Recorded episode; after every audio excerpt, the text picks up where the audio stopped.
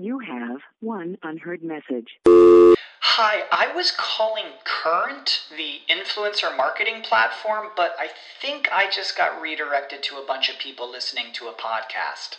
Well, anyways, I was calling Current because I was told they could help get my brand set up on TikTok Shop and even build out an affiliate program of content creators promoting my brand. And even have those content creators go on live streams and promote my product there. Wow, I could really use Current. I also heard that the brands they work with are making millions in sales. I guess I'll just go to their website at current.tech.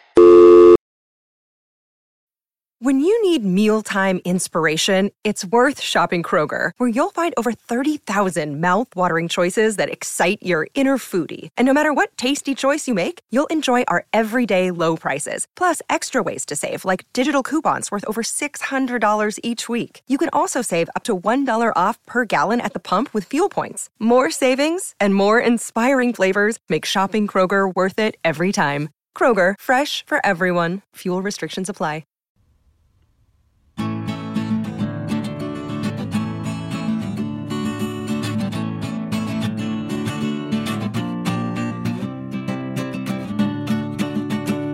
Welkom beste luisteraars bij een nieuwe aflevering van History en Mythologie. Vandaag, ja, we gaan een beetje in de stemming komen voor Halloween. Eh, Weet je, dat is natuurlijk eh, het seizoen van de horror en de creepy en de spooky. Nou, we hebben vandaag een gastspreker en dat is iemand van het Schokkend Nieuws. En Schokkend Nieuws, dat is een, een, een blad, maar het is ook een podcast. En eh, ze zijn een beetje gespecialiseerd in horrorfilms, science fiction, fantasy of ja, cultfilms. Eh, Julius Kotsier, welkom. Hallo. Hi, dank je. Jij eh, gaat het vandaag hebben over horrorfilms, of nog specifieker. Ja, eh, over, over, over slashers inderdaad. Slashers. Oh, Slashers. Zijn we bekend met slashers, Karsten? eh, nou, eh, kijk, ik ben van de history en eh, ja, ik las niks over slashers, maar slashers eh, zijn, eh, eh, dat, dat zijn horrorfilms. Mhm. Ik kijk geen horrorfilms. Nee, nooit? En, nou, soms wel. Eh, eh, Freddy, Freddy Krueger, Freddie Ja, Mercury. ja. Ehm, Kijk, is dat, is dat ik een merk het slasher? ook. Karsten, je bent helemaal professional. Ik hoor het al. Eh, daarom hebben we Julius uitgenodigd, toch? Is eh, Freddy. Krueger, is dat een slasherfilm? Ja, nee, Nightmare on Elm Street. Ja, dat zijn slashers, zeker. Het, zijn wel, het is wel duidelijk eh, een, een latere slasher, in die zin dat die... eh, Kijk, de meeste slashers zijn eh, vrij recht toe, recht aan. De klassieke slasher, begin jaren 80, eind jaren 70. Hm. Dat zijn vrij recht toe, recht aan, eenvoudige eh, eh, moordenaar die achter tieners aan zit. En met Nightmare on Elm Street kreeg je dat het natuurlijk bovennatuurlijk werd. Hmm. Oké. Ah. Oh, dus het is eigenlijk wel weer een soort, soort subgenre in de slasher. Ja, ja, dat was in 1984 begon het. Dat was een belangrijk slasherjaar, omdat het een heel goed slasherjaar was. Maar ook het jaar waarin eh, de slasher nou, ja, zichzelf een, een beetje moest, opnieuw moest uitvinden, omdat mensen het na vijf jaar of zo wel een beetje zat begonnen te raken. Hmm, oké. Ah, Hoe zat het dan verder met de, met de horrorfilm? Want films eh, hebben we besproken, de, de geschiedenis een beetje. Nou ja, dat is begonnen net begin 19e eeuw. En op een gegeven moment, wanneer waren de horrorfilms dan begonnen? Nou, ook eind, eh, eind 19e eeuw met eh eh Méliès, met het Kasteel van de Duivel, was eigenlijk, zou je de eerste horrorfilm kunnen noemen. Hmm. Ehm, ja, het, het is wel, het, het- dat zeg ik, het is, dat, die film, dat is, daar zit een duivel in, er zit een vleermuis in en zo en een paar goocheltrucs. En Ja. dan heb je nog de, de, de, hoe heet het, The Execution of Mary, Queen of Scots, wat eh, een film is waarin je eigenlijk alleen maar ziet hoe iemands hoofd afgehakt wordt. Ja. Wat voor die tijd een behoorlijk effectief special effect is. Ja, oké.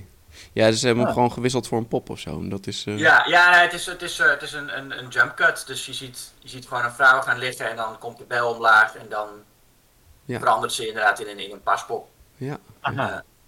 Dit, dit klinkt als een film die ik eigenlijk wel durf te zien. eh. Dat is nog te doen. hij is 10 seconden of zo, dus het is niet. eh, ja, Oh, oh nee, dan heb ik zeker de tijd. Eh, maar de echte serieuze horrorfilm, zou ik zeggen, krijg je in de jaren 20 in Duitsland. dat is een beetje waar het genre echt eh, eh, eh, zichzelf serieus begon te nemen ook. Oh, Met, ja, eh, tuurlijk zijn het de Duitsers. Ja, ja met uh, dat kabinet, dat is Dr. Caligari en Nosferatu en eh, Faust ehm, en Orlax Hende. eh, en dat, dat zijn de Duitse expressionistische films. En dat wil dus zeggen dat het, de, de decors zijn vaak heel ehm, artistiek en bijzonder en droomachtig. Zeker bij eh, Caligari. En de shotcomposities zijn heel nou ja, expressionistisch. Dus alles is erop gericht om een bepaald gevoel uit te drukken. Decors, licht, acteurs, make-up, acteerstijl. Alles doet mee aan het overbrengen van het heel duidelijk en groots overbrengen van eh, één bepaald gevoel. Ja, het doet soms een beetje denken aan theater, hè? omdat het zo groot Ja. is. En bij film is dat niet nodig, omdat ja, je kan heel dichtbij komen met de camera. Dus je hoeft niet je emotie te vergroten. Maar dat deed ze toen juist wel. Ja, ja, in de, ja, in de stille film sowieso, maar in, in- bij de Duitse expressionisten deden ze dat inderdaad nog meer. Ja. En inderdaad heel theatraal. Ja, zeker dat kabinet is Dr. Caligari, die dus helemaal in de studio opgenomen is. Mm, mm. Ehm, of bijna helemaal.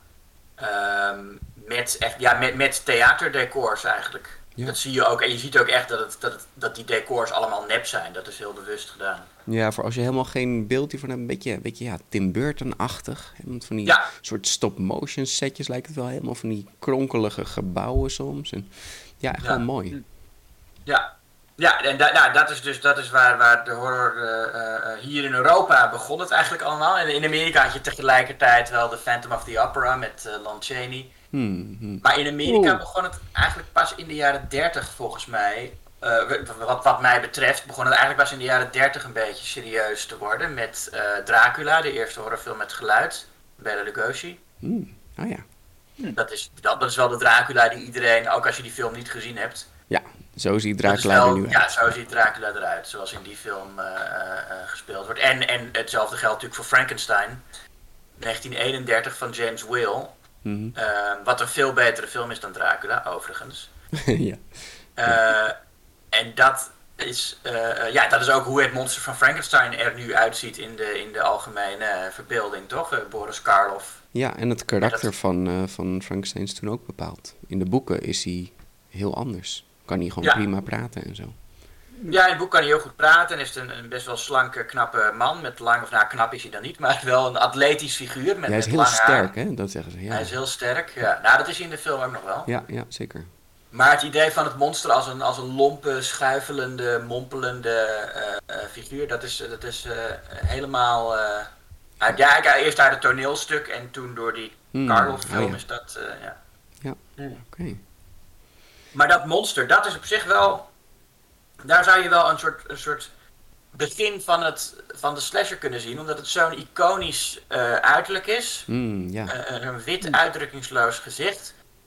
Daar zie je misschien al wel eh, eh, eh, de voorloper van het masker van Michael Myers in Halloween. Hmm. Ja, want dat is Oh. natuurlijk een beetje bij horror. Je moet, je moet steeds iets unieks bedenken. Hè? Steeds een nieuw monster bedenken. Dus ja, het oude monster kennen we nu al. Oké, nu is de monster wat eh, zwemt. Nu is de monster wat kan vliegen. En elke keer moet het Ja. weer... Hey, maar nu we zo een beetje zo door al die eh, eh, mons- eh, monsters en films heen gaan. Je hebt zo'n hele iconische scène waarin een. Ik, ik weet niet eens uit welke film dat is, maar er zit een echt Amerikaanse vrouw, blond haar, krulletjes, echt uit de jaren 50 of zo van Amerika. En die zit dan in de douche en eh, eh, er, er komt dan in, eh, in het shot komt er een mes tevoorschijn en dan hoor je dat ding, ding, ding, Ja. ding, ding. Is dat dan ook een slasherfilm? Psycho is, is, noemen sommige mensen een slasherfilm. Ik vind van niet. Maar er zit wel heel duidelijk, eh, ehm, zijn, de, ja, zijn slashers daardoor geïnspireerd. Hm. 1960 was een heel was een bijzonder jaar. Eh, eh, toen had je inderdaad Psycho van Hitchcock. In hetzelfde jaar had je eh, Peeping Tom. Hmm. En beide films zijn heel duidelijk voorlopers van eh, de slasher. Ja, waarbij je Hmm. een soort, soort killer hebt die met voorbedachte raden iemand gaat vermoorden. Alleen toen had je Ja. dus niet heel typisch die groepjes. Hè? En dat is een beetje iets wat later kwam. Groepjes. Groepjes kinderen, Oh groepjes ja, ja, ja. pubers. Nee, klopt, ja. Ja, je hebt zeker in Peeping Tom ben je gewoon bij de moordenaar. Weet je ook vanaf het begin wie het is. En Psycho is wat dat betreft nog wel een whodunit, waarin wie, wie het gedaan heeft blijft Ja. in eerste instantie mysterieus. Ja. De beide films waren een beetje, en dat is ook wel iets wat met slashers natuurlijk eh, geldt. Kijk, in, in, in de jaren 60 was horror, nou ja, werd vooral nog ook ge- geassocieerd met die Universal monsters, met Frankenstein en Dracula en de Mummy en de Wolfman. Mhm. En met spoken, in die tijd ook wel. En sp- eh, gewoon hu- huizen waar het spookt waren, waren in eind jaren 50 wel eh, populair. Ja. Maar het idee dat je buurman de moordenaar kon zijn, Mhm. dat hadden we nog niet echt gezien in de horrorfilm. Oké. En dat is wat Psycho en Peeping Tom allebei, eh Peeping Tom in, in, in eh, het Verenigd Koninkrijk en Psycho in de Verenigde Staten. Wat zij opeens introduceerden was het idee van nee, het is niet een vampier. Het is gewoon een man die een, die een motel runt. Of gewoon een man die je, die je bij je werk tegenkomt. Die is het gevaar. Ja. Was het En niet daarom ook- waren allebei die films ook enorm controversieel. Ja. Was het niet ook een Ja, beetje dat- omdat die Universal Monsters een beetje, een beetje grappig werden, een beetje parodie werden? Ja, zeker. Ja, en de- die waren in die tijd ook al heel vaak al eh, geparodieerd. Ja. Dus Ja. De, de, de angst was er dan een beetje af. Ja, daar werd niemand meer echt bang van. het, het valt me wel op dat het vaak mannen zijn. Is dat, eh, klopt dat? De monsters. Ja, dat klopt. Het zijn. eh, ja, nee, het is, het, is, het, is, het is lastig hier een vrouwelijke slasher monster te bedenken, zeker. Ja, Ja. ja en nee, als, je, als je het breder trekt, monsters in het algemeen heb je wel vaak als vrouw. Ja, Dat- je hebt dat een aantal is van- vaak, maar, wel, maar, Ja. maar, maar als het gaat om puur de slashers, dan is het een stuk eh, zeldzamer. Hmm. Maar als je kijkt naar het algemeen, ja, je hebt natuurlijk heksen en. eh, Bride of Frankenstein, Sphinx, Vampirella. Een Sphinx? Hey. Sphinxen, ja. Ehm, God, de harpijen zijn volgens mij ook vaak vrouwtjes. Ja.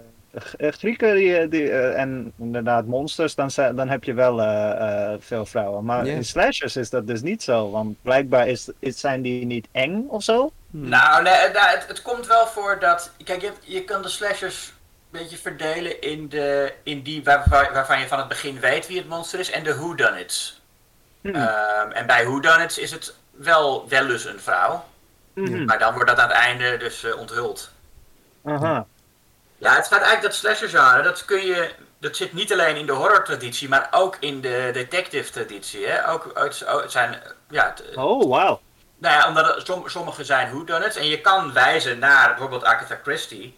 eh And Then There Were None. Mhm. Haar boek dat in eh, 1945 gefilmd is.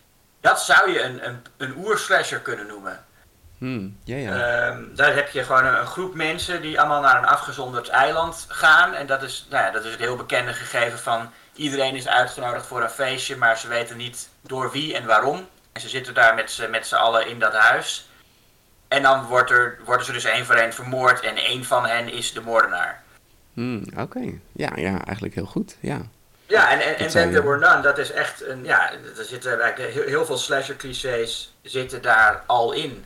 Ook het feit dat die mensen om de een of andere onverklaarbare reden besluiten, eh, weet je wat verstandig zou zijn als wij ons zouden opsplitsen. Mhm, mhm. Dat zit er al in. Oh, Dat mooi. zit er al in, ja.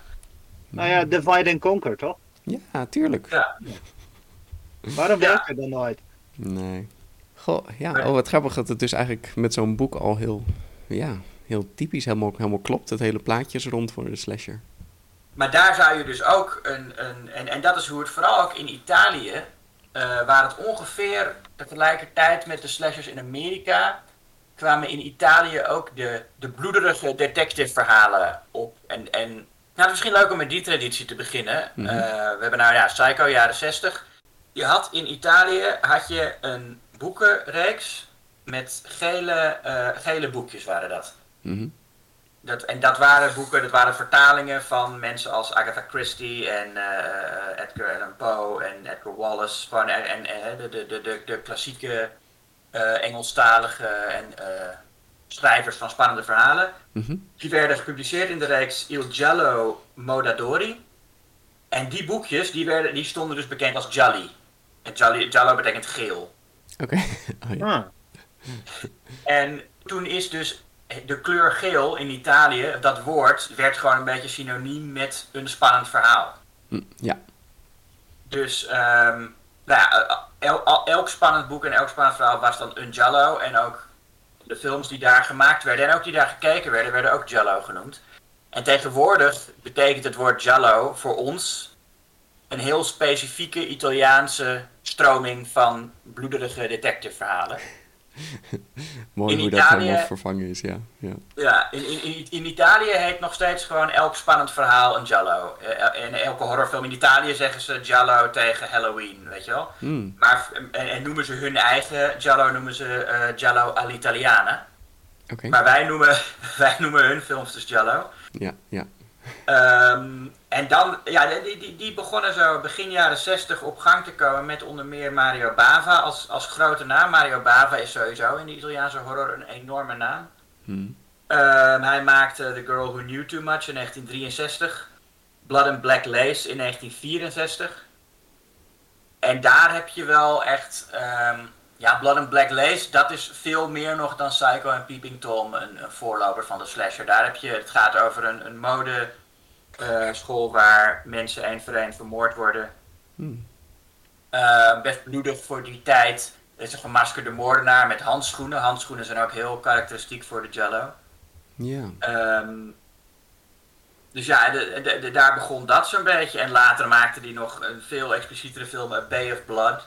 Waar ook heel veel eh, standaard slasher ingrediënten in zitten. Dus, die film komt uit 1971 en is in die, voor die tijd echt schokkend gewelddadig. Er zit ook best veel naakt in, wat ook een, later ook een slasher cliché werd. ja, ja. Ja. Hm, wel Ehm, grappig. Is dit, is dit dan voor de Italiaanse markt of waren ze echt wel gemikt op, op de wereldmarkt? Nee, die, die, die, allebei. Hmm. Italiaanse films zijn altijd. Ja, omdat ze namen ook nooit geluid op op de set, hè? Hmm. Dus dat werd dan. Dat, dat werd in het Italiaans ook gedubt. Ehm, maar ook in het Engels meteen. Dus Oké, want dat was eh, gewoon goedkoper. Ze probeerden zo goedkoop mogelijk films te maken. Ja, nou ja, dat, eh, nee, dat niet per se, maar het is, ja, dat is gewoon de traditie in Italië. Kijk, je, neemt, je maakt een film en het gaat om het visuele. Hmm. En het geluid komt achteraf. En sowieso wordt bij een normaal, nog steeds, bij films, wordt, wat er nu op de set opgenomen wordt, is dialoog. En alle andere geluiden worden achteraf Ja, opgenomen. Eh, bijna altijd. En in Italië, ja, na- namen ze toen ook geen dialoog op. Hm. Maar niemand deed dat. Fellini ook niet. Het, was, het, was gewoon, het werd niet gedaan. Er was, er was gewoon geen geluidsapparatuur op de set. Ja, dat, dat is goedkoper, maar het is ook... Op zich, het is wel logisch. We doen hier het beeld en daar het geluid. Ja. ja oké. Je hebt wel mooier geluid als je hem in een studio opneemt, inderdaad. Ja, en je kan nog dingen veranderen. Ja. Je kan, dat, dat, dat, Fellini die liet geloof ik, die zei wel eens tegen zijn acteurs, als ze vroegen wat moeten we zeggen, dan zei hij nou tel maar tot tien. Hmm. En dan bedenken we in de studio wel wat jullie gaan zeggen.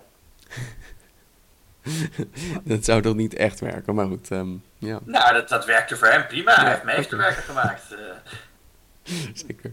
Het zou voor, voor een publiek nu heel, heel afleidend zijn, denk ik.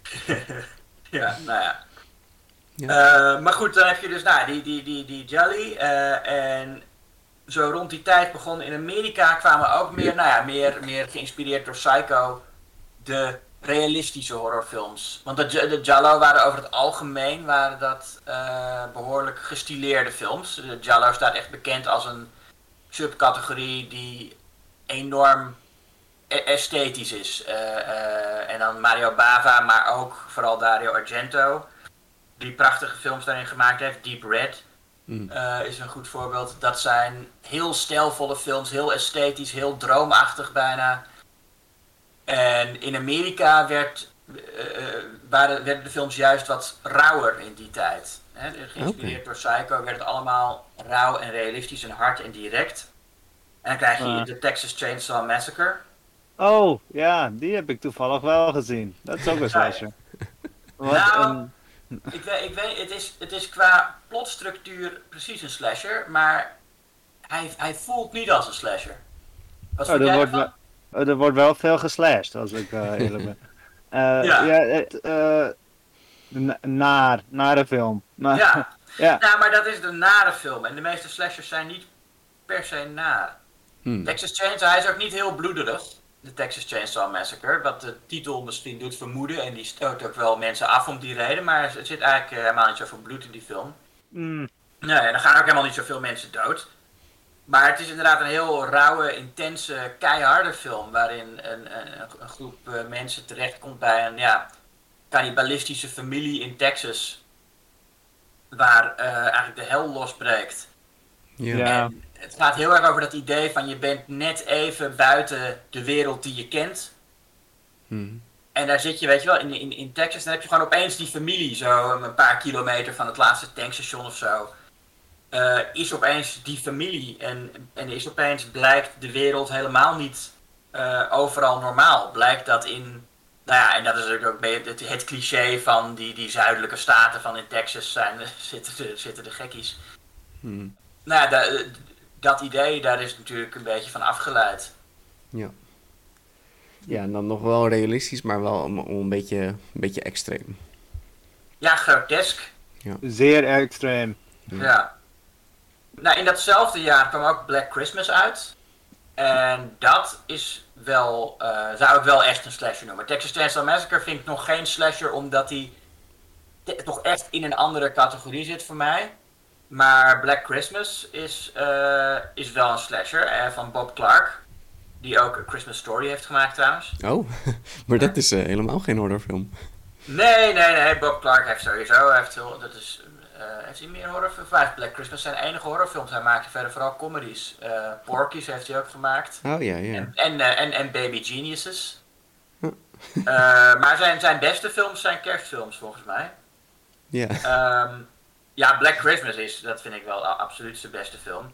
Hm. Ehm, het gaat over een, een, een studentenhuis. Nou ja, het is kerst, er zitten een heleboel vrouwelijke studenten in dat, eh, in, in dat studentenhuis. En een mysterieuze moordenaar eh, maakt ze één voor één af. Ook niet heel bloederig, want ze worden meestal gewurgd. Hm. Ehm, Eh, en het is interessant om te zien dat die film, er zit wat betreft seksualiteit, ehm, die meiden praten heel veel over seks. En op een heel ja, normale eh, toon eigenlijk, best wel casual. Mhm. Ehm, en ze worden er niet voor gestraft, wat later in het genre natuurlijk wel gebeurde.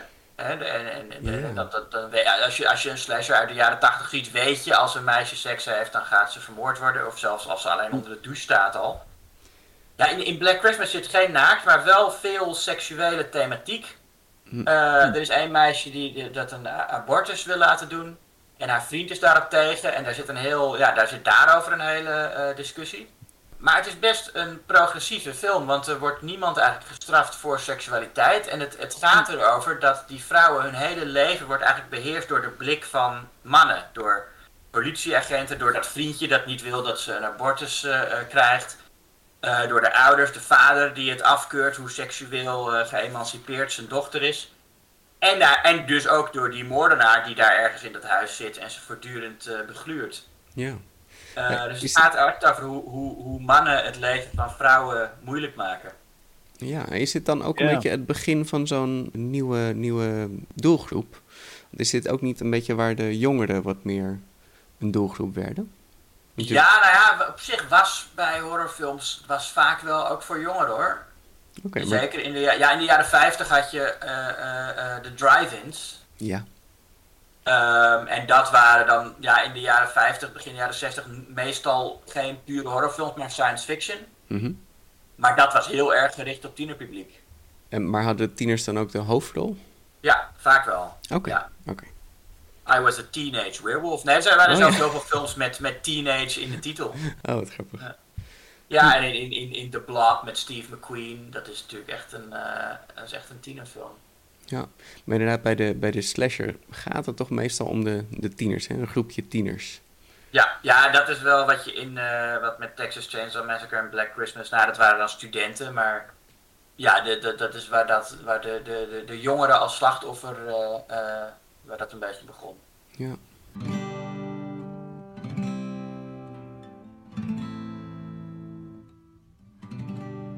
Je krijgt na Black Christmas, eh, krijg je Halloween eigenlijk. Ja, er zit nog wel wat tussen, maar Halloween is, is de volgende echt belangrijke, en het is ook echt een enorm belangrijke.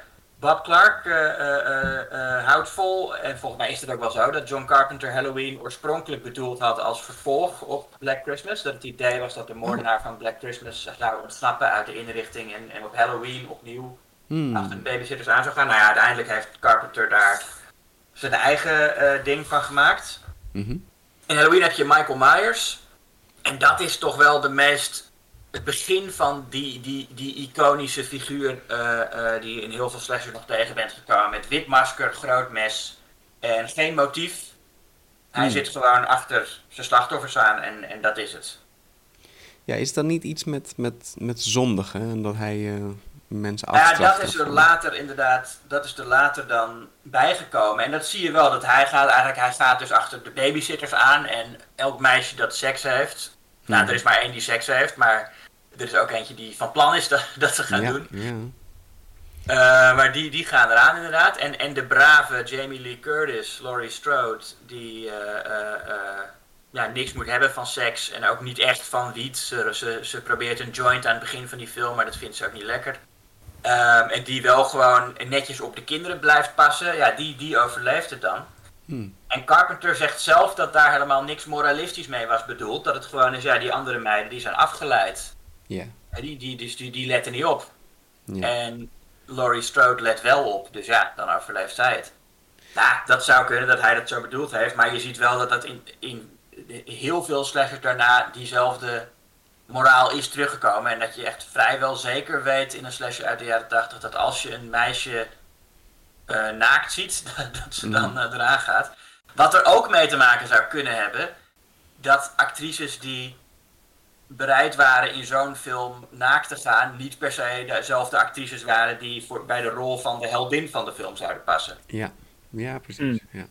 Dus ja, dat zou, dat zou ook daardoor kunnen komen. Maar, eh, Het is een beetje judging. Ik bedoel meer van, ja, er werd op een andere manier gedacht.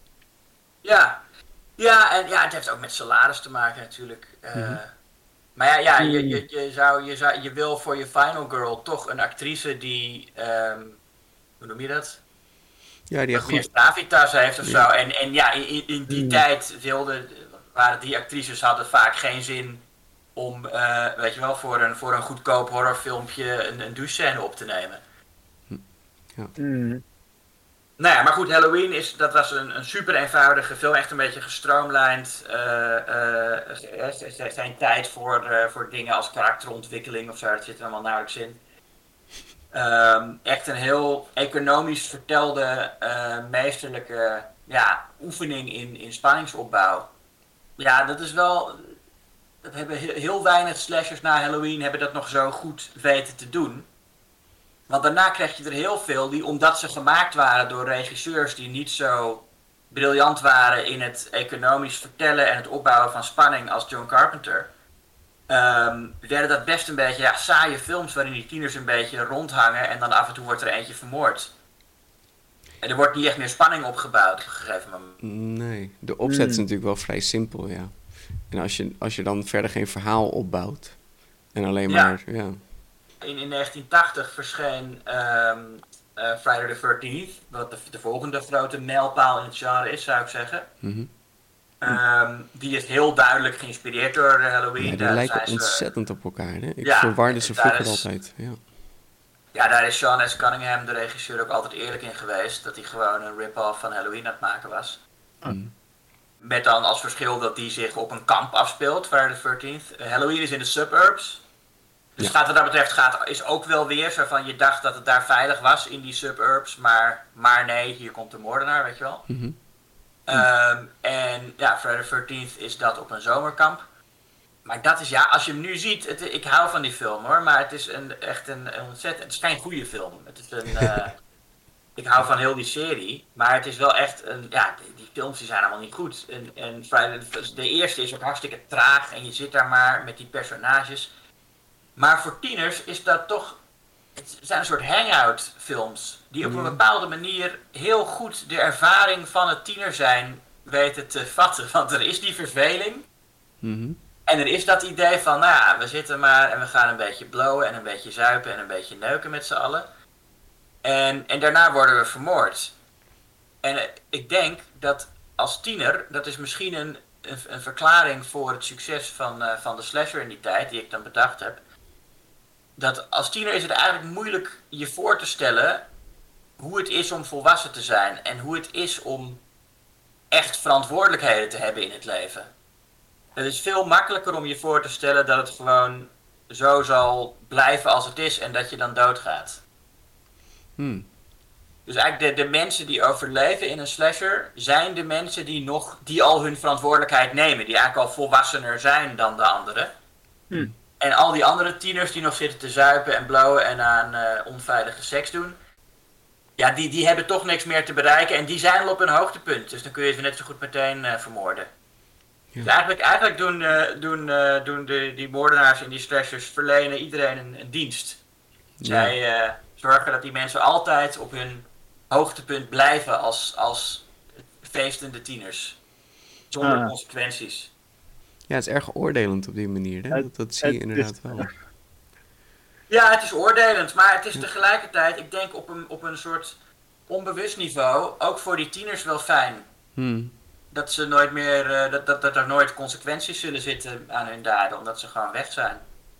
Ik bedoel, er zitten natuurlijk, de, de, de consequentie is dan dat ze vermoord worden. Mhm. Maar de- ja, het- dat zijn die films die gaan erg over, over consequentieloze pret. En Hmm. dat, is, dat is iets wat wel heel erg aanslaat bij tieners. Je had in die tijd heel veel filmcritici. Roger Ebert en Gene Siskel voorop, die hadden toen dat eh, tv-programma. Ja. ehm, at the movies. eh, Die, die, die, die echt heel moreel verontwaardigd waren over die flashers. En die zich afvroegen, waarom willen tieners dit toch zien? Waarom gaan tieners kijken naar films waarin ze afgeslacht worden? Dat is toch deprimerend? Ja. ja, het is toch Maar steeds ik- dat er, dat er verkeerde dat keuzes worden gemaakt. Ook dat je als publiek zit van nee, dat moet je toch niet doen. Dat, dat- waarom, waarom doe je dit? Waarom? Ja. Dan, dan rijden ze iemand aan en dan is zo van oké, we moeten dit lijk ver- verstoppen. Nee, Ja. moet natuurlijk de politie bellen en er meldingen van maken. Ja, dat is jaren 90. Was, dat is, I know what you did last summer, ja. Ja, nee, maar ik, ik denk dat het echt iets is wat, wat gewoon aansluit bij de belevingswereld van tieners. Dat idee dat het, het leven inderdaad nog geen consequenties heeft, omdat je gewoon doodgaat. Ja. Ehm, ja, no future. Ja, inderdaad, niet die hulp in willen schakelen van volwassenen. Dat, dat zit er ook altijd wel heel erg in. Ja, volwassenen zijn ontzettend afwezig in de meeste slashers. Dat is Ja. ook, daarom is een zomerkamp ook een uitstekende Ja, perfect, eh, eh, Ja. eh, locatie. Want daar zijn inderdaad geen volwassenen. Ehm, en in, ja, in Halloween is het al raar dat de volwassenen zo afwezig zijn. Want er wordt dan gezegd, ze gaan naar een feest. Alle volwassenen in de straat die zijn naar een feest. Op Halloween. Wat, Mhm. het is een, raar, is een raar idee. Ik weet niet of dat ooit ergens een traditie is geweest dat er op Halloween een groot feest is. Waar, waar volwassenen dan naartoe gaan, weet je. Maar nou ja, En hun Ik heb kinderen er niks kunnen vinden. Nee, maar de, de, ehm, ja, de reden daarvoor is natuurlijk dat je niet wil dat in een film die toch vooral bedoeld is als ja, wel gezellig en leuk om naar te kijken, Mhm.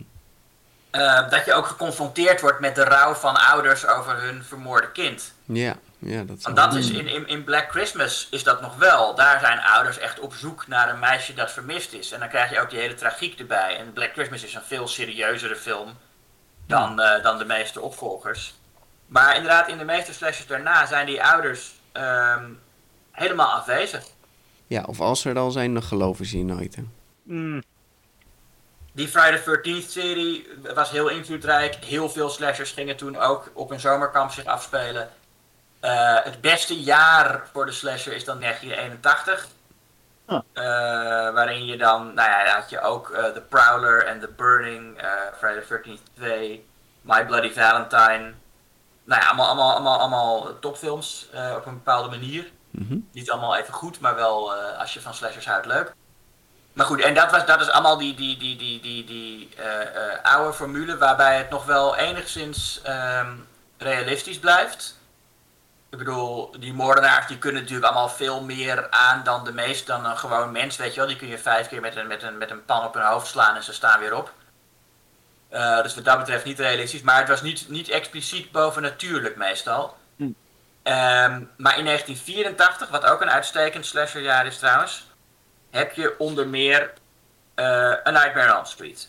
ah, Ja, en dat is ook de film waarin de ouders voor het eerst weer echt een grote rol gaan spelen.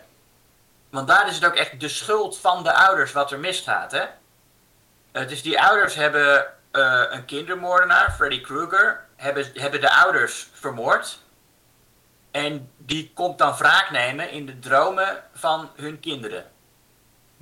Oké. Ah, Het gaat heel erg over eh, hoe dingen die, die je probeert te onderdrukken. Want zij houden die hele moord op Freddy Krueger houden zij geheim. Mhm.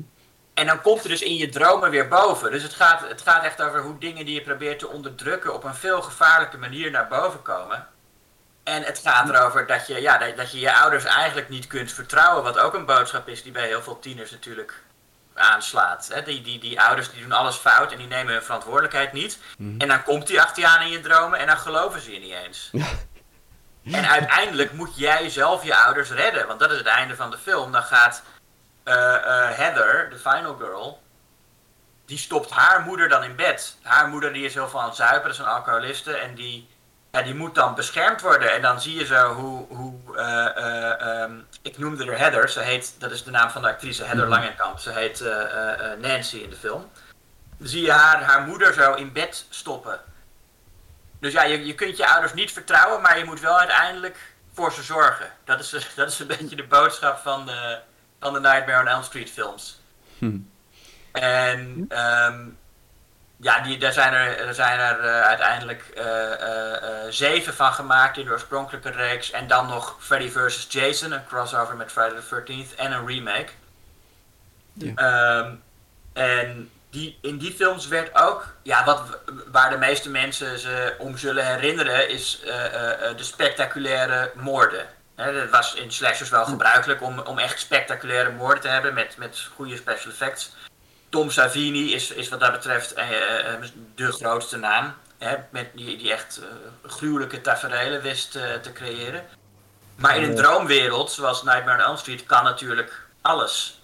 Ja. Dus daar konden ze pas echt uitpakken met Freddy Krueger die in een slang verandert. Of, of die. Hij trekt toch iemand zo zijn bed in. Dat is een hele mooie. Ja, Johnny Depp wordt zijn bed ingetrokken. Ja. Er wordt iemand eh, eh, op een gegeven moment in, in deel 4 verandert een meisje in een kakkerlak. Dat is mijn favoriete eh Oeh, moordscène van Krueger. ah, Dat is, eh transformeert hij eerst in een kakkerlak en daarna stampt hij er plat. Eh, er zit ook iemand die aan zijn zenuwen, een, een jongen die veel met marionetten speelt, dat is ook een heel goeie. Die wordt dan, worden zijn zenuwen zo uit zijn lijf getrokken en Mm. wordt die, gaat Freddy hem zo als een marionet eh, besturen. Ja, ja, dus het is ook Ah. bijna een soort, soort marteling wordt het dan. Ja, nee, Freddy is heel sadistisch. Dat is wel iets wat de meeste slashermoordenaars niet hebben. Omdat de meeste zijn toch... De meeste slashermoordenaars zijn natuurlijk zwijgend. Ja. En eh, eh, niet per se sadistisch. Het kan ze allemaal niet zoveel schelen. Ze zijn, ze zijn er gewoon om, om, om, om de boel gedaan te krijgen. Hè, Michael Myers is, nou ja... eh, zijn psychiater Donald Pleasance, eh, of Dr. Loomis heet in de film, die zegt eh, Michael is evil, pure evil. Hm. Maar in die film zie je niet echt dat hij. Je ziet dat hij nieuwsgierig is. Dat hij, de, hij, hij snapt gewoon niet hoe het werkt. En hij vindt het dan, ja, als iemand doodgaat, vindt hij dat wel interessant. En dan staat, staat hij er zo'n beetje naar te kijken. Ehm, Dus ik denk dat hij meer nieuwsgierig is. En Jason is, volgens mij, is, gedraagt zich echt als een. Jason is in de Friday the 13th serie, in de latere delen. En hij is gewoon een, een klusjesman. Hij ruimt die tieners op Ja. die daar in dat bos zitten. Ja, die, die, hij woont in dat bos, die tieners mogen daar niet zijn. Dus die doet hij aan de kant. En dat doet hij wel eh, hard, maar niet per se sadistisch. Nee. Maar Freddy, Freddy Krueger, dat is, dat is echt een sadist. En die, en die praat ook veel en maakt er grappen over. En die wordt ook, als die serie doorgaat, wordt hij steeds clownesker. In die eerste film is hij nog wel echt eng bedoeld. En blijft hij ook voor het merendeel in de schaduwen. Zie je hem niet echt goed. Hm. Maar als je dat met deel 6 vergelijkt, daar is Deel hij gewoon een 6? soort, eh, ja, deel 6. Uit eh, ja, 1990 volgens mij. Maar daar is hij, eh, eh, is hij gewoon echt een, een soort Looney Tunes eh, figuur. Ja, dan komt hij echt een beetje belachelijk maken. En hou je van raceauto's? Nou, dan gaat hij zeggen: Oh, je houdt van raceauto's. Oh, stom. Hier heb je een raceauto. Dan word je aangereden door een raceauto. Ja, gewoon lekker, Ja. lekker, lekker stom. Dat je denkt: Oké, nou ja, goed. Ja. ja, en die was toen ook echt enorm populair. Hè? De, de Freddy Krueger was echt een soort MTV-figuur. Ja, inderdaad. Hij, ja. werd, hij, werd, hij, stond, hij stond allemaal clips, hij had zo'n rapnummer opgenomen en zo. En, eh, en, en er waren een soort rip-offs van Freddy natuurlijk. Ja, dat- dus het was echt, eh, was echt eh, ja. Wat, wat, wel, wat toch wel ja, bijzonder is, dat je hebt dus, nou ja, in, in de jaren 60 had je, waren Dracula en Frankenstein ouderwets geworden. En kreeg je dan ja, Norman Bates als een soort nieuwe, Mhm. nieuw horror-icoon. En je kan echt een rechte lijn trekken van Norman Bates naar Freddy Krueger. Die dan in de jaren 90 ook eh, eh, zo'n bespottelijke clown is geworden. ja. Dus het gaat toch altijd die kant op met de horror-iconen. Ja, het is ook gewoon lange tijd als, als dingen, als je ze niet ziet, eh, dan blijven ze eng. Maar op een gegeven moment, ja, dan, dan zie je ze gewoon te veel. Dan raak je eraan gewend en dan is het niet echt eng meer. Op een gegeven moment Ja. weet je wat er komt. Het is ook niet per se erg hoor, vind ik, dat Freddy Krueger zo'n zo'n clown werd. Dat, ja, dat, dat, dat, is toch het lot van, van elk personage. Als je maar genoeg films blijft maken, dan word je op een gegeven moment, eh, eh, ja, gaat dat zo. En, en ik vind het eh, wel leuk. Ja Ik vind ook die latere Nightmares, vind ik ook, ik vind deel 4 heel erg leuk. En in deel 6 zitten ook echt leuke dingen. Ja, ik bedoel, anders, anders deel blijf je steeds hetzelfde doen natuurlijk. Hè. Dat is natuurlijk ook... Nou, in deel 7 werd hij wel weer eng. Dat was wel een briljante vondst van Wes Craven. Want in deel 7... Deel 7 vind- eh, speelt zich af in een universum waarin de Nightmare on Elm Street films gemaakt zijn. Hmm, Dus Wes Craven is ook de regisseur, is een personage in die film. En Heather Langenkamp, de actrice uit deel 1 en deel 3, is ook een personage in die film. Dus die speelt zichzelf. Ehm, en dan zeggen ze, oké, wij hebben al deze Nightmare on Elm Street films gemaakt. En het is nou eh, voorbij. Maar dan komt Freddy opeens in de echte wereld. hmm, ja. Dus dan heb je toch weer, maak je hem toch weer eng door hem in een andere wereld te zetten. ja, dat is natuurlijk een beetje het Ah. begin van die meta-periode. hè. Ook met Scream Ja. natuurlijk. Ja, zeker. Ja, dat was, dat, eh, eh, die, die twee films maakten die na elkaar. Eh, Wes Craven's New Nightmare, wat dus Nightmare on Elm Street 7 is, eh, die het he- niet zo heel goed deed. Hm. Maar een paar jaar daarna maakte Wes Craven Scream met een script van Kevin Williamson. En dat was natuurlijk een enorme hit. Eh 1996. En nou ja, die, die, die, die alleen al is natuurlijk een van de spannendste slasher scènes ooit. Met eh, Drew Barrymore die gebeld wordt en gevraagd wordt wat haar favoriete horrorfilm is. En nou ja, die uiteindelijk... eh waarna overigens wel ook haar ouders haar lijk vinden. Eh, dan zie je toch weer dat, dat de, de, de, de ouders eh, eh, er nu wel bij zijn. En dat is ook echt, mede door die ouders, wordt dat een enorm heftige scène. Hmm, Dat die ouders haar uiteindelijk vinden, dat maakt het echt zoveel heftiger. Ehm, dus daar zie je wel meteen dat Wes Craven zegt: Oké, we gaan nu gaan we het een beetje gaan we het echt serieus doen. ja. En Scream is ook een film, eh, een van de eerste slashers, waarin de personages eh, eh, horrorfilms hebben gezien. Ja, want dat is En dus echt een meta. Ja, ja, ze Ja. weten inderdaad van, ah, je moet nooit in je eentje op pad gaan. Eh, hij staat altijd achter je. Ja, en dat maakt het grappig. En er zit ook wel satire in Scream. Aan de ene kant. Aan de andere kant wordt het daardoor ook spannender en enger. Omdat je weet, oké, deze mensen weten wat een horrorfilm is, kennen deze clichés, maar toch zijn ze niet veilig. Ja, ja. Die, die gast weet ze toch te pakken te krijgen. Dus je, om, omdat je dus op een ander niveau van, van realiteit zit, wordt het directer en enger. Hmm. Er waren trouwens voor Scream, het is een, beetje lullig om te doen alsof, alsof films daarvoor helemaal niet zich bewust waren van de clichés. Want dat is wel zo, de, de- zeker de latere Friday the 13th films. Waaronder deel 6, eh, Jason Lives. Vooral, die waren zich heel erg bewust van al die clichés. Ja, En ehm, er zijn zelfs al in 1982 is wel, is, is, werd eh, ehm, Slumber Party Massacre gemaakt. Eh, dat is wel een interessante film, Slumber Party Massacre. Rita Mae Brown heeft eh, Slumber Party Massacre geschreven als parodie op het, op het slasher genre. Eh, als, en specifiek als feministische pa- parodie. Mhm. Maar toen heeft Amy Holden Jones die film geregisseerd als een recht toe recht aan serieuze horrorfilm. oh jeetje. Dus het is een soort parodie-script, eh, maar wel serieus verfilmd. Wat een soort rare, ik vind wel, wel interessante spanning oplevert tussen, tussen ja, het materiaal en de benadering. Het is ook wel uniek dat het een film is van een, een vrouwelijke schrijver en een vrouwelijke regisseur. Ehm, dat maakt in, zeker in slasher genre behoorlijk eh, eh, eh, eh, uniek. En, en ja, dat hij echt een soort best wel expliciet eh, feministische eh, eh, eh, lading heeft. Hm. Ook een van de weinige films trouwens waarin je wel naakte vrouwen ziet die dan niet doodgaan aan het einde. Oké. Ehm, en ja, als je die film ziet, het is, het is heel duidelijk dat de douchescènes die erin zitten bedoeld zijn als parodie op eh, de exploitatieve douchescène. Mhm. Terwijl het dat ook is. Maar ja, Ja. je, je ziet ze wel gewoon allemaal douchen, maar de camera die gaat echt van kont naar kont, weet je wel. Hm, hm. Ehm, dus het is heel duidelijk grappig bedoeld, maar ook eh, tegelijkertijd eh, eh, geeft het wel datgene waar die mensen voor komen. Ja, maar er is een En- slaapfeestje gaande en er is een killer? Of hoe... eh? Ja, er is een slaapfeestje gaan en dan komt er een moordenaar met een enorme boor, wat natuurlijk ook heel duidelijk een vallensymbool is. Ja. Oh. Ja, en, en die gaat, eh, gaat dan al die vrouwen aanvallen. En uiteindelijk wordt die boor ook, eh, ehm, ja, het is echt het, het meest opzichtige castratiemetafoor die er ooit in een film is geweest. Hoe ze die boor dan eraf hakken. Hm, En, eh, en, en dan blijven er, eh, eh, ja, een spoiler, maar goed, dat, dat mag misschien wel. ja hoor. Er blijven uiteindelijk drie Final Girls over. En het gaat dan dus echt over dat ja, de, de, de, de vriendschap tussen vrouwen uiteindelijk overwint. Oh, dat is wel grappig, ja. Ja. Ja, ja het is wel, het is jammer genoeg niet zo'n heel goede film. Hij is niet echt spannend, hij is ook niet super grappig. Hm. Maar ik vind het wel eh, een heel interessante film. En ik zou hem ook wel aanraden om, eh, om eh, te kijken als je eens een, een beetje een ander soort slasher uit de jaren 80 wil zien. Ja, want inderdaad, het is altijd zo'n final girl. Hè. Er blijft er eigenlijk altijd maar eentje over. En Ja, eh, vaak, vaak... vaak wel in, in combinatie met een man. Dat is in, ook in heel veel Friday the 13th eh, blijft er altijd ook een vriendje over bij haar. Ja, ja, oké. En je hebt ook wel eens de Final Boy in, eh, in, in, de, in de Friday-serie heb je Ja. Tommy, oorspronkelijk gespeeld door eh, Corey Feldman in deel 4. Mhm. Die eh, ehm, drie films lang een beetje de Final Boy is geweest.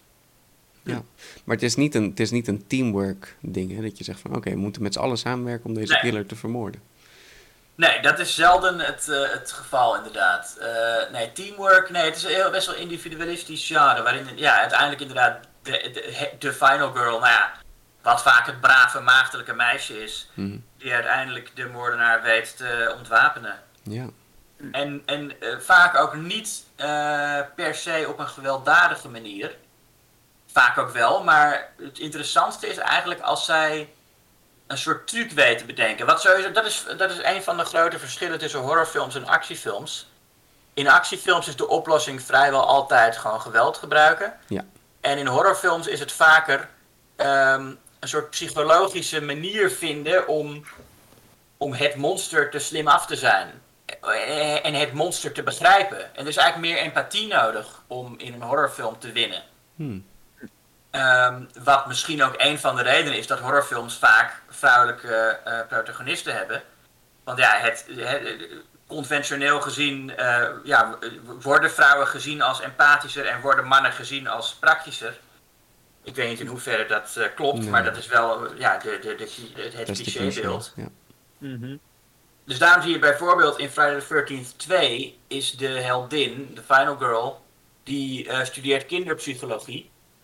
Hm. En die weet op die manier Jason te slim af te zijn door te doen alsof ze zijn moeder is en hem heel streng toe te spreken. Goh. ja. En dan, eh, ja, de- en dan, en dan raakt Jason even in de war. En ja, goed, dan eh, pakt ze natuurlijk een mes en, en hakt ze hem neer. Maar het is wel, ze heeft dus die, die, die, die truc is wel slimmigheid, om, ja. eh, ja. En dat is in heel veel eh, eh, eh, slashers wel het geval, dat de Final Girl uiteindelijk met een, met een list eh, Hmm. weet te winnen. Ja. En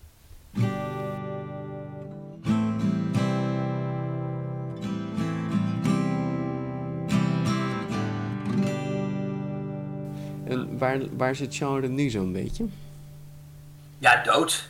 Er zijn, er zijn niet echt slashers meer. Er zijn, eh, eh, ja, af en toe wordt er eentje gemaakt. De laatste remake van Child's Play vond ik eh, erg leuk. Of ik zeg de laatste remake, er is maar één remake van, maar die, was, eh, die is onlangs verschenen. Child's Play is de serie met Chucky, Mhm. die, eh, die, die pop. Wat ook bijna parodie, maar ook wel... Ja, ja nee, zeker. De latere films daarvan zijn eh, eh, eh, deel, deel 4 en 5, Bride of Chucky en Seed of Chucky zijn. Ja, zeker Seed of Chucky is gewoon echt een parodie. Mm. En daarna met Curse of Chucky begon het wel weer serieuzer te worden. en Cult of Chucky. Dat, en dat zijn wel echt weer wat meer serieuze horrorfilms. En je had dus de remake. Ehm, er is nog steeds, de originele Child's Play serie loopt nog steeds. Maar er is ook een remake, een soort vertakking. Oh jeetje, ja. Ja, in die remake heeft hij de stem van Mark Hamill. Oh, En, Ah, ja, dat is gaaf. ja, ja, dat is gaaf. Ja, dat- ik vond het echt een leuke film.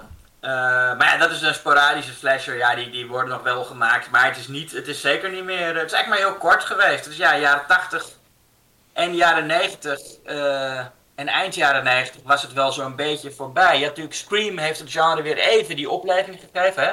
mhm. Het, leek, het leek bijna dood. Begin jaren 90 dachten ze, nou, die slasher dat is wel, wel geweest. En toen kwam Scream en kregen we, nou ja, na- daarna kreeg je dan I Know What You Did Last Summer, eh, eh, Valentine's Day, eh, Urban Legend, nou ja, noem maar op. Maar dat was eind, ja, begin 2000 was het ook wel weer voorbij. Hm. En ehm, ja, toen werden er nog wel een paar parodieën gemaakt. Ja, Scary Movie natuurlijk. Ja. Maar ja, nee, dat, het, is, het is niet heel lang eh, eh, iets, eh, iets ja, een jaar of twintig zijn, hebben de slashers echt geleefd. En het is niet ergens in overgegaan of zo. Van, het is niet... Jawel, jawel, jawel. Ja? Je, nou ja, je kreeg begin 2000, je had, je had Saw van Hm. eh, James Wan, wat, wat Ah. ook, ja, dat, dat, dat werd dan een beetje de nieuwe eh, eh, trend. Wat ook natuurlijk heel spectaculaire, bloederige moord set pieces heeft, de Saw-serie. Ja. Ehm, Hm. Je krijgt ook nog Final Destination, Oh, Wat ja. ik, wat ik ook wel een slasher-reeks zou noemen. Weet je wel, ja. Ja, ik, zou het eigenlijk eh, niet, niet ook wel een beetje, maar ik zou het gewoon echt een slasher-film, eh, slasher-reeks noemen. En ik vind Ja. dat ook vaak, die, die latere delen ervan eh, zijn eh, super. Ik vind Final Destination echt een heel goede slasher-reeks. Ja, is goed. Eh, ja, de dood zelf als moordenaar en dan ja, een f- fantastische gelegenheid voor geweldige setpieces. Het, het gaat dus over mensen die, die de dood zijn ontlopen, maar dan komt de dood alsnog achter ze aan. Dus dan komen ze om bij allemaal bizarre ongelukken. Ja, een soort ongelukjes. Ja. En je ziet in, elke, in, in, al die, in al die scènes zie je heel erg hoe dat opgezet wordt. Je ziet, oh, er zit een schroefje los, dus dat valt dan straks misschien op zijn kop. En, of, en, en dan gaat het allemaal toch net weer anders dan je had verwacht. Maar het is zo mooi eh, eh, eh, bedacht en verzonnen en uitgevoerd allemaal. Hm. Die, en die, die zijn van na 2000, dus dat is nog wel een tijdje populair geweest.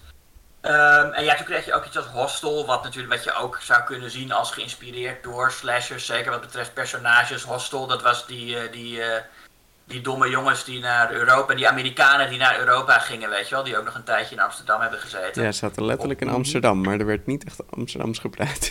Nee, het is opgenomen in Praag. Ah, oh, Ja. ja. Eh, dat vindt de meeste Nederlanders. Nee. Maar dat gaat dus over nou, dat je in, in zo'n hostel waar iedereen afgeslacht wordt, allemaal heel bloederig en gruwelijk. Eh, hostel 2 is trouwens aan te raden. Hostel 1 niet. Hm. Hostel 2 is een veel eh, leukere en intelligentere film ook. Er zit echt wel ook eh, wat, wat politiek commentaar in. Oké. Hm, dat is, eh, ja, dat, dat, dat is eh, ongewoon eigenlijk. Want meestal zou je zeggen, ah, de eerste is goed. maar dit keer is het dus de sequel. Ja, dat is, dat is in het horrorgenre wel vaker zo hoor. En en sowieso is dat, vind ik, vaak zo met films. Maar zeker bij die slashers. Ik zou ook, als je vraagt wat is nou de beste Friday the 13th, dan denk ik dat de meeste mensen niet zouden zeggen deel 1. Het is eerder deel 2 of deel 4 of deel 6 die eh, goed gevonden worden. En bij Hostel inderdaad ook Hostel 2. En als we het over remakes hebben en over Halloween, eh, eh, Rob Zombie's eerste Halloween. Zij, Rob Zombie heeft dus Halloween ge- geremaked, de eerste in 2007. Dat is een waardeloze film. Maar Rob Zombie's Halloween 2 is super. Ah, Eh, en dat is echt een film die, die het genre op een heel andere manier benadert. Ik denk, je hebt, oké, Halloween van John Carpenter, de allereerste, is, dat is de beste Halloween. En Rob Zombie's Halloween 2 is de op één na beste. En daarna heb je heel lang niks en dan krijg je al die andere Halloweens. Maar Halloween 1 van Carpenter en Halloween 2 van Rob Zombie, dat is eigenlijk alles wat je nodig hebt als je de echt goede films in, in die reeks wil zien. En Halloween 2 gaat heel erg over het, het trauma van een Final Girl die dat dus allemaal meegemaakt heeft. Oh ja, oké. En dan Ah. niet, niet op een soort lieve manier, maar juist die Laurie Strode, die is echt helemaal eh, eh, doorgedraaid en is ook onuitstaanbaar geworden in die film. En dat is heel veel mensen zijn daardoor al. eh, vinden ze dat een kutfilm. Om, dan zeggen ze ja, maar zij is zo irritant. Ja, wat wil je? Ze, is, ze, is, ze heeft gewoon PTSS, weet je wel. En ze, en ze heeft mood swings. En het ene moment is ze onredelijk boos. En het volgende moment loopt ze weer eh, eh, te feesten en te schreeuwen en te zuipen. En ik heb een paar eh, mensen gesproken die ook die, die PTSS hebben. Die zeggen van ja, dit is eigenlijk de meest realistische verbeelding van trauma die ik ooit in een film heb gezien. Ja, ja, ja. Om- omdat die film gewoon zo direct en zo eerlijk is daarover. En het niet, niet het probeert om het mooier te maken dan het is. Nee, want dat is natuurlijk ook een beetje wat horror is. Je probeert gewoon echt het, het, het ergste van het ergste te laten zien. Ja, Ja, en wel mooi dat je dan inderdaad die consequenties ziet van... Hè, wat gebeurt er dan na zo'n film? ja, ja, dat zou precies. natuurlijk Dat- vreselijk ja, zijn. ja. Als, als al je vrienden vermoord zijn, ja, hoe... hoe- Ja, en nou, kijk, dat zie je natuurlijk ook wel in Scream, omdat je daar steeds Nev Campbell hebt die terugkeert. Ja, Hè, zie je, en die, dat is, daar wordt wel wat aandacht aan besteed. Maar dat is toch wat, wat, wat meer sentimenteel gedaan. Dat, dat, hè, dat haar leed. eh, eh, ja. Wes Craven en Kevin Williamson, die, die zijn er toch wat voorzichtiger mee. Terwijl Rob Zombie echt zonder enig sentiment gewoon laat zien hoe zo iemand is. Hm. Ja. Ja. Maar ja, goed, dat, eh, ja, 2007, dus Halloween 2 was wel een van, of 2009 was Halloween 2, eh, eh, dat was wel een van de laatste echt, echt goede slashers, vind ik. En daarna begon ook, je had heel veel eh, remakes van Japanse horrorfilms. ja, inderdaad. Ja. Dat was een, een golf die toen ook eh, eh, de horror begon over Ja. te nemen. Boven natuurlijk spookachtig. Ja. ja, dat was jaren 10, begin jaren 10 was dat echt een beetje het grote ding. Ja, met The Ring en The Grudge en die Ja, ja, The Ring was, The Ring was trouwens 2001 alweer, Ja, geloof ik. Oh, dat is ook vroeger, ja. Ja, ik word, ik word, ik word oud. Ehm, ja. Maar nee, en, en op dit moment is, ja... Nou, ehm Midsommar van eh, 2019, als ik me niet vergis. Mhm. Ik weet niet of jullie die gezien hebben. Dat was wel echt een, eh, een, een, een grote hit. Ja, weet waar je aan begint, kijker. Dus, eh, Ja, ja, precies. Maar dat is wel eh, qua structuur eh, eh, echt een slasher. En hij, is ja. al, hij, is, hij, hij werd niet zo genoemd. Hij, ik denk ook niet dat hij op lijstjes van beste slashers zal belanden. Maar als je kijkt naar hoe die film in elkaar zit, ja. Heel duidelijk gestructureerd als slasher. Maar dan een stuk artistieker verantwoord, zeg maar. Hè? Er zit echt, eh, eh, eh, ja, de, ja qua, qua camerawerk, qua scenario, qua thema's, allemaal ja, over nagedacht. Die Ari Aster, die, die is bezig horrorfilms te maken met een beetje de insteek van alsof je een, een, een, een, een drama aan het maken bent. mhm. Wat aan de ene kant vind ik dat, ik vind het leuk dat hij dat doet en ik vind het ook wel goede films, Hereditary en Midsommar. Aan de andere kant is wel in de ontvangst daarvan, mensen die doen alsof dit dan de eerste keer is dat horrorfilms Hm. eh, dergelijke thema's gebruiken. Dat, dat is niet zo. Kijk, hij, hij legt het er heel erg dik bovenop, die Ari Aster. Hij, hij, hij zegt heel erg van, oké, dit zijn de thema's en, eh, en, en, en ik ga het serieus nemen en, en kijk eens hoe mooi het er allemaal uitziet. Maar hij gebruikt gewoon dezelfde thema's die al vanaf de jaren 70, 80 eh, in horrorfilms zitten. Ja, maar goed, dat is ook een beetje wat jouw verhaal vandaag al duidelijk heeft gemaakt. Dat je kan niet zeggen, dit was de eerste in het genre. Want het zijn constant maar... Weet je, het leent van elkaar, het evolueert Ja. door. Er is niet echt Ja. zo duidelijk van, oké, nu begon dit, nu eindigde dit. Ja, Nee, dat is nooit, dat is nooit ergens over te zeggen, denk ik. want we Nee. zeggen natuurlijk ook, de, de monsterfilms stopten. Ja, maar er zijn ook wel weer monsterfilms uitgekomen. Er zijn nog steeds Ja. Dracula-films uitgekomen. Oh, zeker, ja. Dus ja, Ja. Kaiju films, stellen die als monsterfilms, ja. dan leeft het nog echt. Maar ik denk dat we nu wel in een, eh, in een goede tijd zitten voor horror. Je hebt zowel de, zeg maar, arthouse verantwoorde horrorfilms van Ari Aster. Mhm. Eh, Maar je hebt ook heel veel leuke, eh, domme pret-horrorfilms, noem ik het maar even. ja. Waarna het een beetje laat dunken, want zo dom zijn ze helemaal niet. Het zijn vaak juist heel intelligente films, maar die wel echt zichzelf accepteren als gewoon popcornvermaak. Waarvan de Child's Play remake vind ik een goed voorbeeld is. En Malignant, die nu eh, draait. Of ik weet niet wanneer deze podcast uitkomt. Maar Binnenkort. nou, dan, als het goed is, draait hij nog. Die ik echt erg leuk vond. Eh, een film die in de, in, de, in de finale volledig door het lint gaat. Hm. Dus ja, ik denk dat we wel echt een, eh, in, een, in een goede tijd zitten voor de horrorfilm. Maar de klassieke slasher bestaat al eh, zeker 20 jaar niet meer, zou ik zeggen. Zijn er nog, eh, zijn er nog echt een aantal films, slashers of horrorfilms, die we echt moeten zien? Eh, ja, nou, ik zou zeggen, kijk, als je het genre helemaal niet kent, eh, ja, begin bij Black Christmas en Halloween. Mhm. En ehm, ik heb die films, ik heb, de, ik heb heel veel van die klassiekers natuurlijk gezien toen ik de juiste leeftijd had. En dan, Ja. en daarmee bedoel ik 12, 13, 14 of zo. Dan moet je ze Ja. eigenlijk voor het eerst zien. En dan zat ik op mijn kamer en dan kwamen de buurmeisjes bij me langs. En dan gingen we met z'n, met z'n drieën, vieren, gingen we naar Friday the 13th of Halloween kijken. Dat vind ik de perfecte context voor zo'n film. Ik weet niet, als je, als je nu eh, eh, in de 20 of 30 bent en je gaat voor het eerst die Friday the 13th films kijken, weet ik niet of je er wat aan vindt. Ik Nee. vind ze nog leuk om te herkijken om nostalgische redenen. Maar als je niet in je tienertijd gewend bent aan eh, dat soort slashers, dan weet ik niet of je er ooit iets mee zult hebben.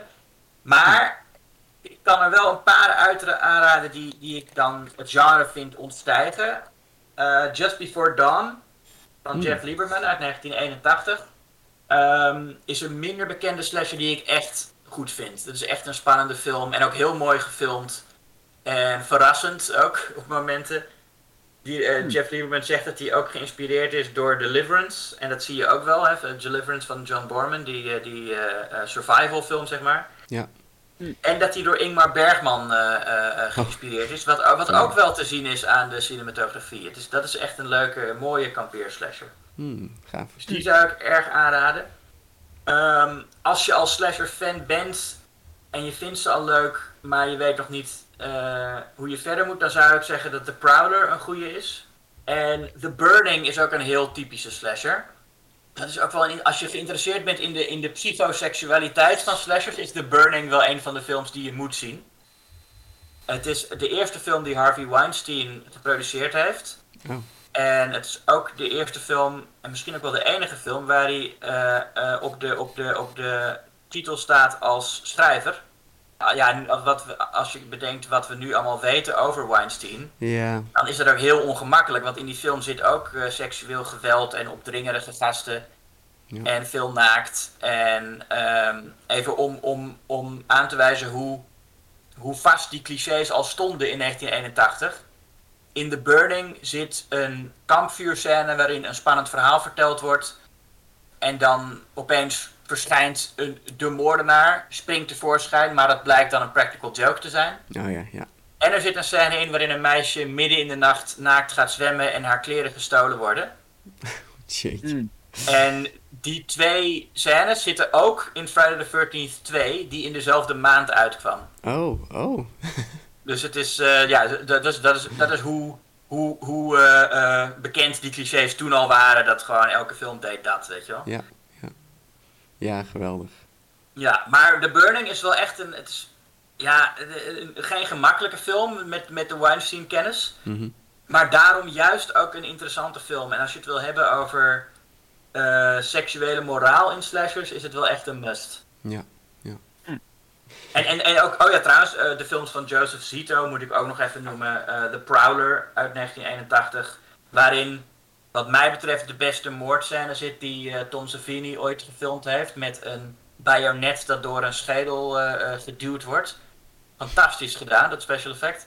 ja dat is wel gaaf. Bij veel van die oude horrors moesten ze toch allerlei praktische dingen bedenken om zoiets te filmen. Ja, Ja, ja, Tom Savini wat dat betreft. Er zit ook in de eerste Friday the 13th zit een beroemde scène met Kevin Bacon.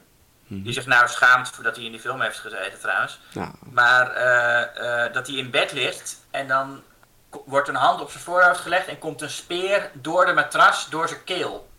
wauw, ja. Hmm. Ja, En hoe dat gedaan is, want je ziet hem eerst gewoon liggen en dan heb je nog helemaal geen vermoeden dat die keel, dat dat dus nep is. Want hij ligt daar en je denkt gewoon dat is dan wel zijn echte lichaam, maar dan ja, blijkt dat het dus niet zo is, want er komt een speer doorheen. Maar dat is heel knap gedaan. En sowieso ook van die moordenaar heel knap, dat ze al wist dat hij in bed ging liggen en dat ze daaronder al klaar lag met die speer. Dat Ja, slaat natuurlijk. nergens op. Ja, Maar, maar dat is ook het leuke aan slashers, dat je dat soort onwaarschijnlijke momenten krijgt waarin de moordenaar lijkt te materialiseren waar iemand maar is. Weet je wel, dat je gewoon op het op het, precies op het juiste moment is de moordenaar ergens. Ja, want dat is die cliché altijd. Je kijkt uit het raam, je ziet hem staan. Je, je wil iemand roepen om, om ook te kijken en dan is hij alweer verdwenen. Mhm. Je kijkt maar even weg en als je terugkijkt, dan is hij gewoon geteleporteerd. Nou, maar dat is, dat, is, dat is dus geen zwakte, vind ik. Dat is juist een kracht. Want het gaat... Kijk, die moordenaar is sowieso geen realistisch figuur. Het is Nee. een mythisch figuur. Hij en zit die in je kan hoofd. gewoon materialiseren waar hij... Ja, inderdaad, die zit in je hoofd. Ja. En het is misschien ook wel... Kevin Bacon heeft in die scène net seks gehad. En het is, je zou ook kunnen zeggen, het is een manifestatie van zijn schuldgevoelens. Dat die Mhm. moordenaar dan onder zijn bed materialiseert. En natuurlijk hebben die films dat niet zo bedoeld. Maar het- het- voor mij is dat wel zo. Ja, nou ja, horror gaat natuurlijk niet over gewoon mensen doodmaken. Er moet er natuurlijk altijd meer in zitten, meer achter zitten. Het moet Ja. wel iets betekenen. Ja, precies. Dat moet veel betekenen, ja. Ja. Ik wil het nog eentje noemen. Ja, Als het mag. Stage. Fright uit 1987. ja stage Eh, fright. ik- ja, die is echt, die is echt gaaf. Eh, Hitchcock heeft ook een film gemaakt die Stage Fright heet trouwens. Ook Oh. erg leuk. Dat is, hier, de, de- deze Stage Fright is daar geen remake van. Nee. Eh, film van Michel So- Soavi. En ja, heel stijlvol en, en, en spectaculair. Hij is ook een Italiaanse, het is ook een Italiaanse film, eh, geloof ik. Of een, Hmm. is het een, ja, misschien een co-productie. Nou ja. Eh, maar in elk geval eh, eh, heel stijlvol, heel leuke eh moordscènes ook. En eh, ja, stage fright.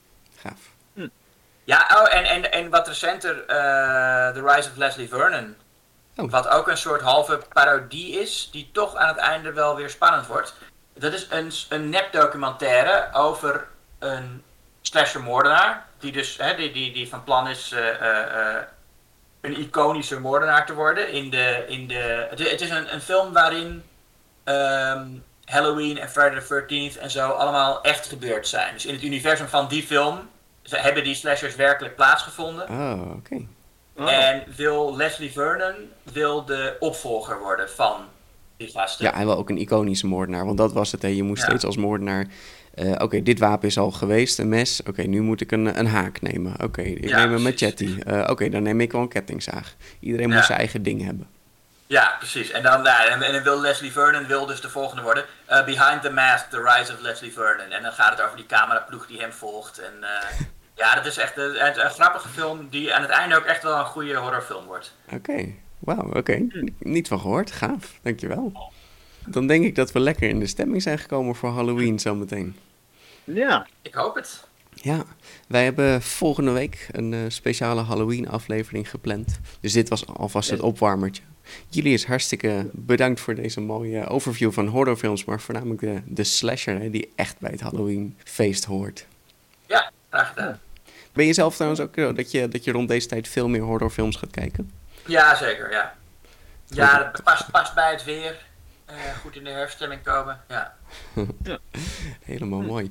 Wil je nog eh, dingen pluggen? Want jouw eigen eh, podcast gaat natuurlijk ook over de horrorfilms, als mensen er meer over willen horen. Ja, eh, ja de, de podcast, ja, dus de Schokkend Nieuws podcast, waarvan we al heel lang geen reguliere aflevering meer hebben opgenomen vanwege de crisis en zo. Maar dat willen we binnenkort weer gaan oppakken. Maar wat we nog wel al die tijd hebben gedaan is Julius versus Jasper. Eh, de spin-off podcast met mij en Jasper ten Hoor, waarin we eh, telkens twee films tegenover elkaar zetten en bepalen welke er moet blijven. Als er eentje van, een van de twee zou moeten verdwijnen.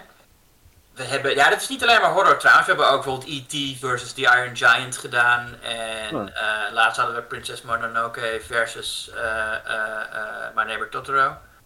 Mhm. Wat trouwens een idee was van, of nou een idee, iets waar we opkwamen om, vanwege Peter. Dank je. Dank Dat jij ons had, had gevraagd waar- wanneer we nou iets met animatie gingen doen. Mhm. Maar inderdaad, dus- ook afleveringen van welke is nou de beste Halloween-film. Ja, dat is echt Ja, hebben we ook leuk. gedaan, ja. En waarom? En waarom? Ja. Ja, ja dus ja, het is voor elk wat wils. Eh, het is het, eh, in, in, in- de wereld van de fantastische film zitten we. En we gaan trouwens binnenkort ook weer een, een film noir aflevering eh, opnemen. Dus ook voor de liefhebbers van klas- klassiek Hollywood, zeg maar. Ja, ja. Maar ook als je nou in geïnteresseerd bent, koop eens dat blad. We zijn de laatste filmglossy van de Benelux. Gespecialiseerd in, ja, wat je al zei, horror, fantasy, science fiction, cult. Onze, ons nieuwe nummer, dat volgens mij op het moment dat deze podcast verschijnt al in de winkel ligt, heeft een Paul Verhoeven special. Kijk, Oh. Ehm, ja, dus dat is heel gaaf. En eh, wat hebben we nog meer? We hebben een, een interview met Brian Jusna, staat er ook in. Een, eh, een belangrijke horrorproducent. Dus eh, ja, koop het blad. Super. Super. Nou, helemaal goed zo. Dan eh, willen we je gewoon ontzettend bedanken voor deze aflevering. Ja, nou, Ja. bedankt voor het uitnodigen. En dan eh, volgende week de Halloween special. Dus tot Yes. volgende week. Tot volgende week.